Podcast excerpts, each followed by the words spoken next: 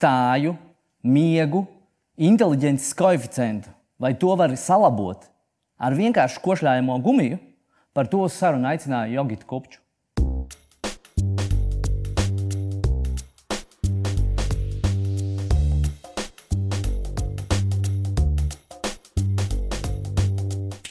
Es košļāju košļeni, nevis tāpēc, ka es esmu nepieklājīgs un parasti intervijās tādas lietas nedara, bet tāpēc, ka tam ir īpaša nozīme šodien. Bet es viņu tagad izņemšu ārā.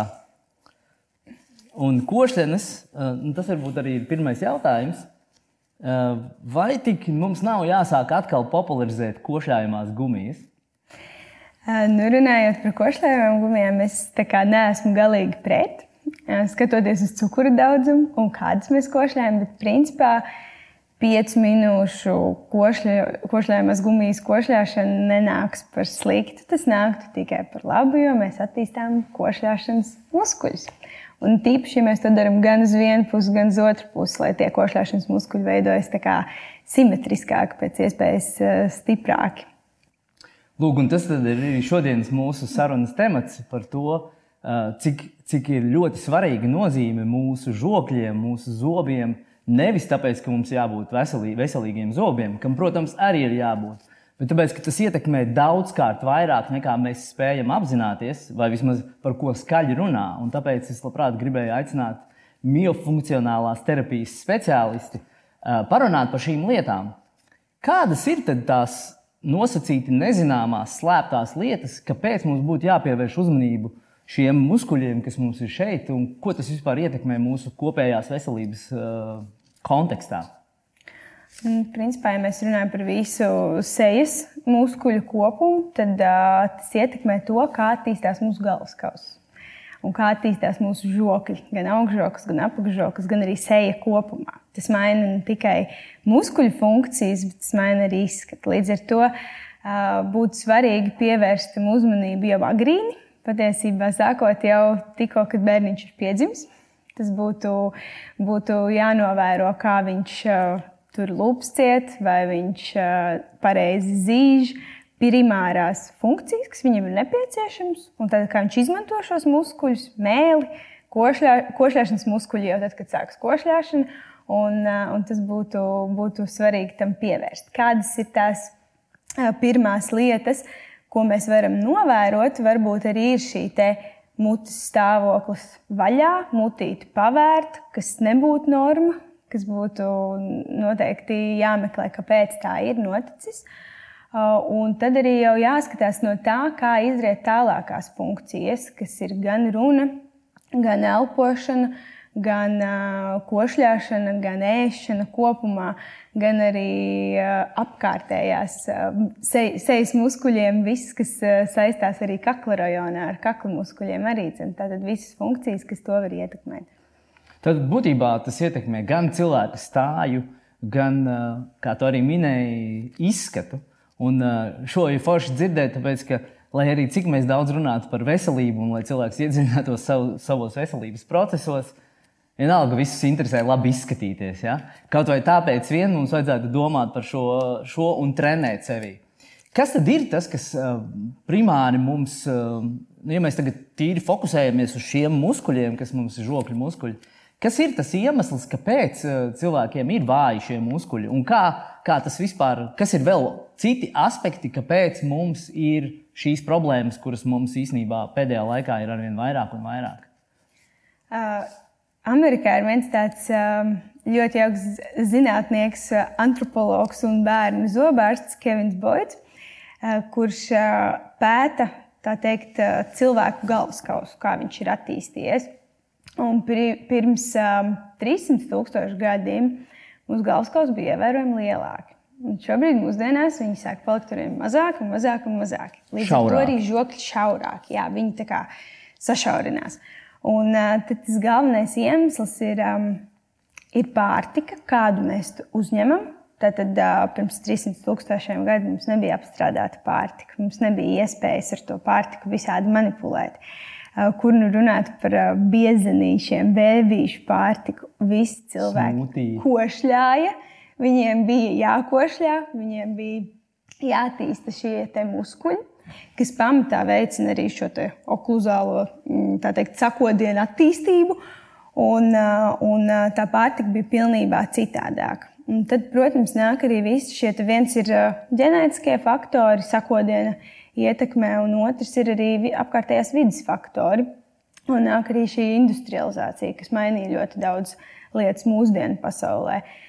Savā, agrāk cilvēki dzīvoja savādāk, viņiem bija savādāk paradumi, viņi ēda savādāk, viņi ēda, viņi, viņi tā teikt, tas pārtikas, pārtikas pieejamība pirmkārt bija jānopelna, lai viņi to varētu vispār pēc tam kaut kādā veidā uh, uzturēt savu dzīvību. Teikt, tas bija tas primārais mehānisms. Līdz ar to viņi paši par sevi bija daudz muskuļotāki. Gan vispārēji, arī stāja bija daudz savādāk nekā mūsdienās pie datoriem, telefoniem sēdošie pieaugušie un bērni.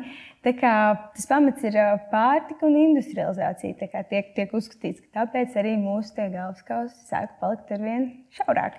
Būtībā sanāk mīksts ēdiens, ja?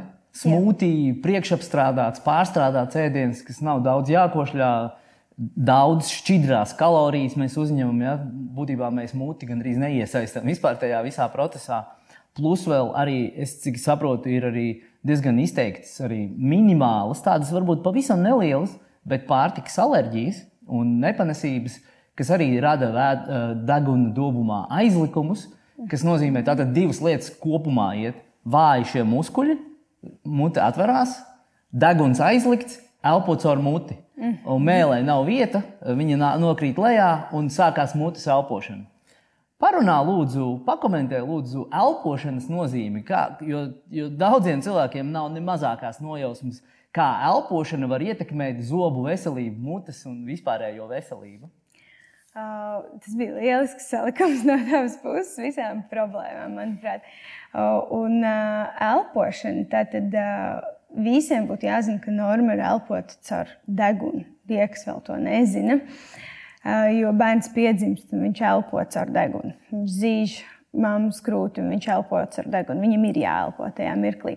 Un tad sākas visas šīs problēmas, kā minēja arī viena, viena no uh, viens no galvenajiem iemesliem, kāpēc sākas šī mutes elpošana, ir deguna aizlikums. Un to var radīt, veicināt alerģijas vai, piemēram, palielināts aizdeguns mandelis, kas vienkārši bloķē degunu. Mums ir grūti pelpot ar degunu, mēs izmantosim to otro ceļu, kas ir mute. Un, un elpošana mūsu vispārējā veselībā ir ļoti nozīmīga. Tāpēc, ka, ja cilvēks elpo caur muti, viņam krītās skābeklis vispārējā. Tad gāzu apmaiņa organismā notiek pilnībā savādāk. Un eh, šis skābeklis nenonāk orgānos, audos un arī smadzenēs. Un tad mēs redzam tās sekas.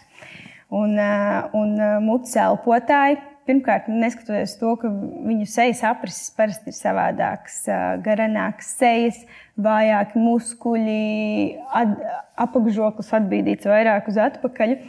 Un, un visādi citādi faktori, kas nāk klāt.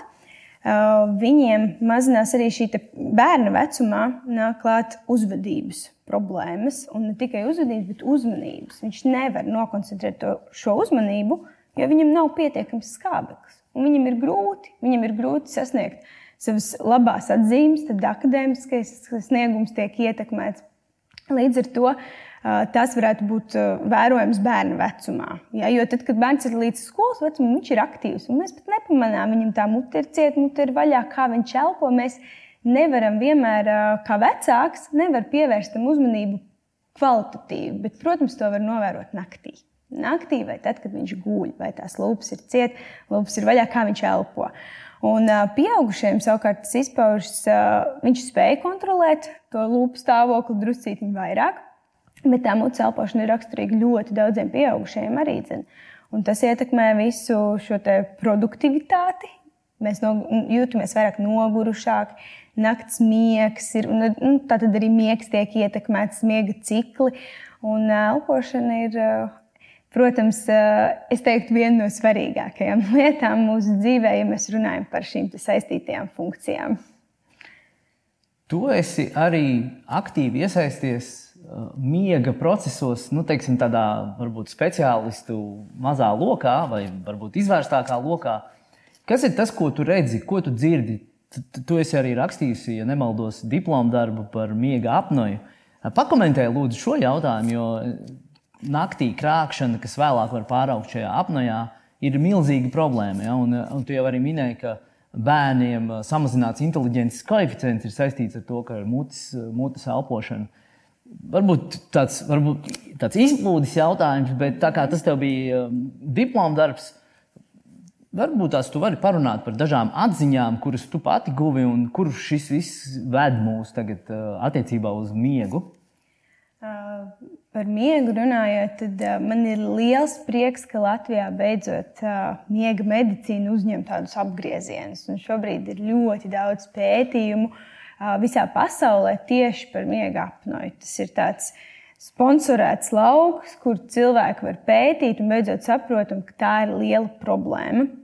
Un tāpēc man prieks, ka arī Latvijā attīstās ne tikai šī miega apnojas medicīna, jeb sapratne par to, kas tas ir un ko tad ar viņu darīt, bet uh, vispārējā miega medicīna. Un tur liels paldies bērnu slimnīcas kolēģiem, kuri ir apvienojušies uh, lieliskā komandā, lai to virzītu uz priekšu.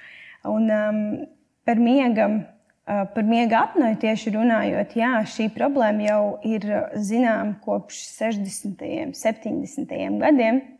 Tikai tam tiek pie, tajā brīdī varbūt netika pievērsta tik liela uzmanība, jo arī šo novērtēšanas instrumentu nebija tik daudz, vai nebija vispār, vai nezināja, ko meklēt šajā cilvēkā, kam ir šie, šī uh, miega apnoja. Un tad uh, jāsaprot, ka norma noteikti nav krāpšana tā noteikti ir nobīde no normas. Jā, un šeit es droši vien gribētu tos iemest. Ļoti daudz uzskata, ka krāpšana tas ir iedzimts. Ja, jo, jo manā mamma krāca, un viņai mamma krāca. Ja, un, un tu minēji arī 70. gados, 60. un 70. gados sākās, kad arī sākās industrializēta pārtika. Mēs, tā ir korelācija. Mēs nevaram teikt, ka šī ir tieša cēloņa sakarība, bet tur, tur ir ko padomāt. Ja? Un tagad turpini par šo. Nu, tā noteikti nav iedzimta. Jo krāpšana tas nozīmē sašaurināts elpoceļš, ir trubiņš, ar kuru mēs elpojam.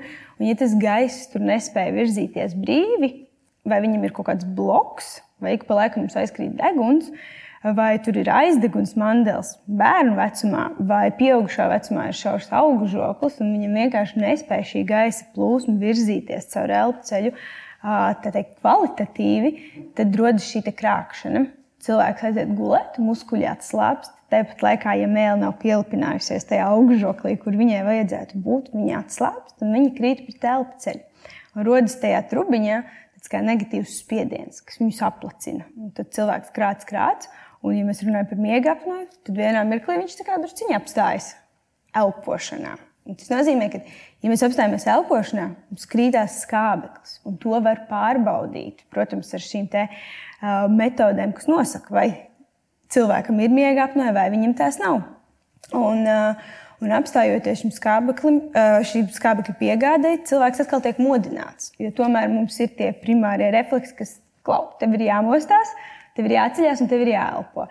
Mm, un, um, Un tas ir ļoti svarīgi to pamanīt laikus un saprast, ka jebkura nobīde no normas ir jārisina, ir jādodas pie speciālista, kas tad noteiks, vai ir kāda problēma vai nav.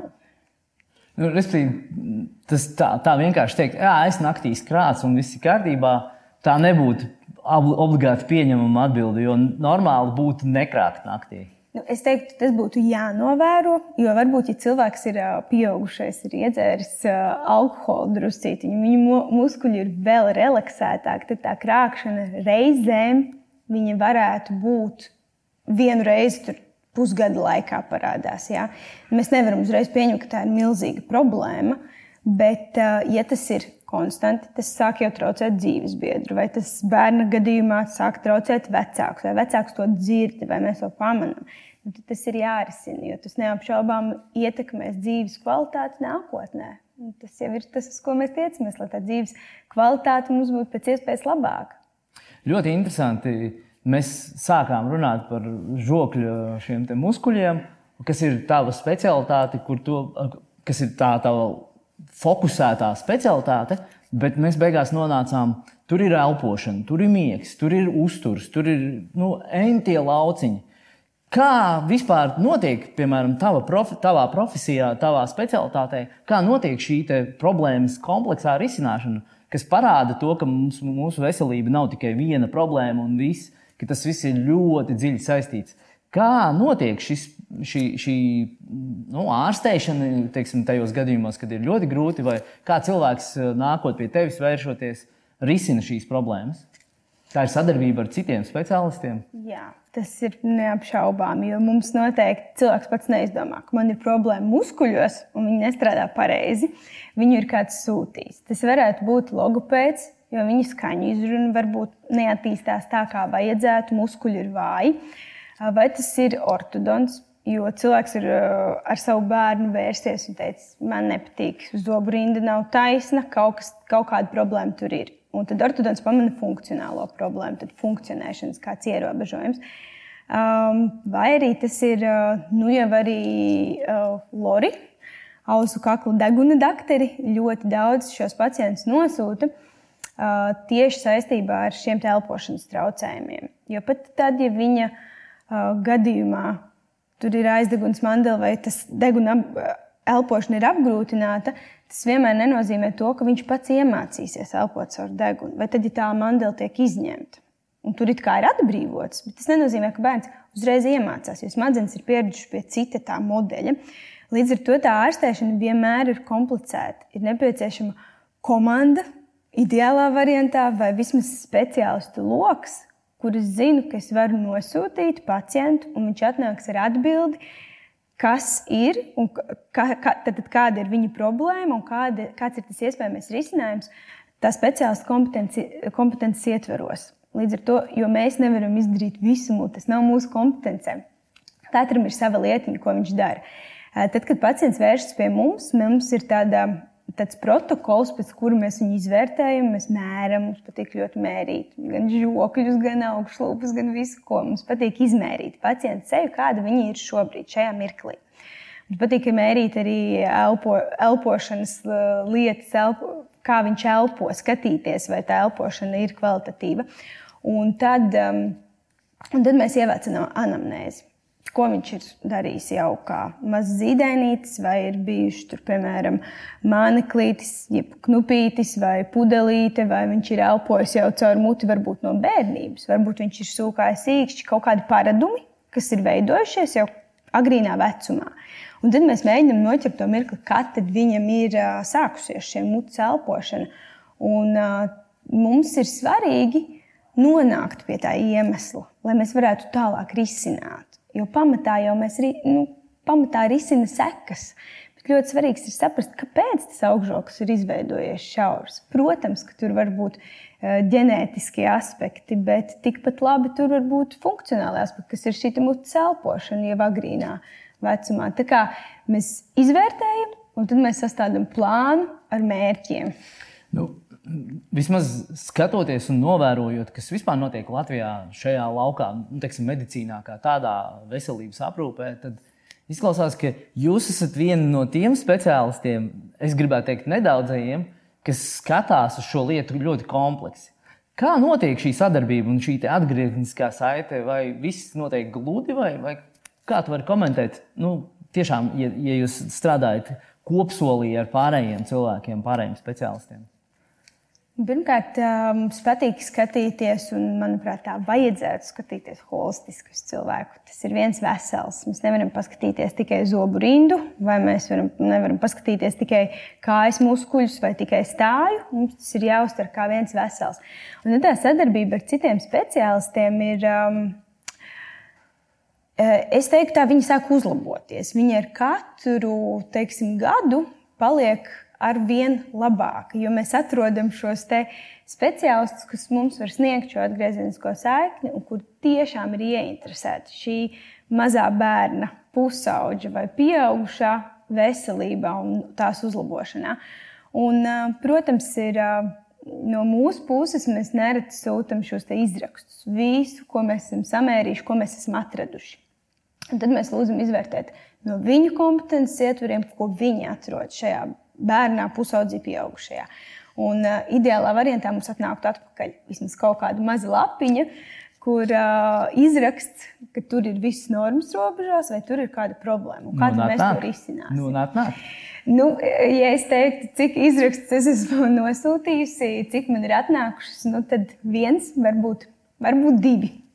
Ja tas notiek mūsu ārstniecības iestādes ietvaros, kur šie speciālisti var pie viņa pieskriet un pajautāt, klau, šeit ir tāds pacients, un tur tas izvērtējums. Es viņu varu redzēt kartiņā, bet uh, no citām iestādēm tomēr uh, nevienmēr atnāk.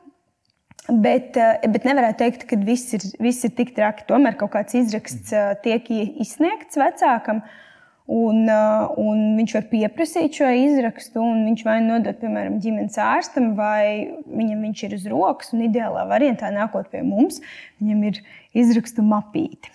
Tad, labākajā gadījumā, protams, ja šīs mapītes nav, tas nozīmē, ka viņam ir pēc iespējas mazāk to problēmu. Bet, ja tā mapīte ir, tas nozīmē, ka viņš ir kaut kur vērsies. Viņš ir meklējis to palīdzību pie kādiem citiem speciālistiem. Kādi tad ir tie ieteikumi? Un tā kā mums tā vizīte ir salīdzinoši gara, tad tas pacients izstāsta mums, vecāks izstāsta visu to kopumu. Un tad mēs mēģinām šķietināt pa daļām un salikt visu to lielo bildīti kopā. Mm -hmm.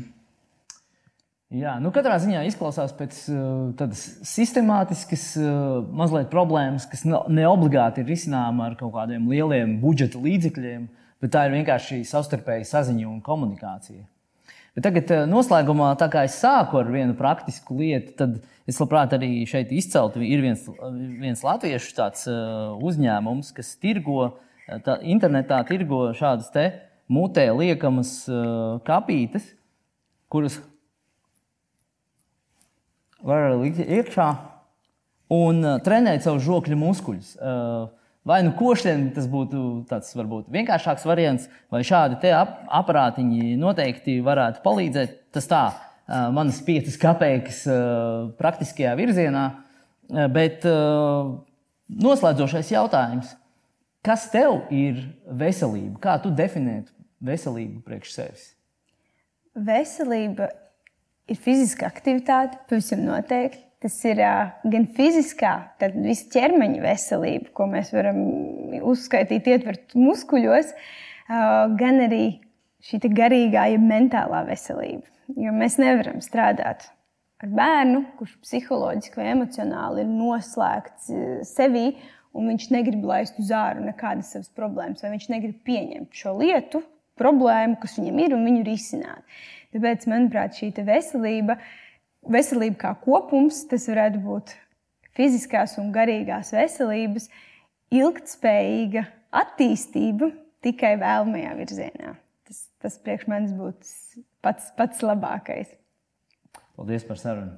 Paldies!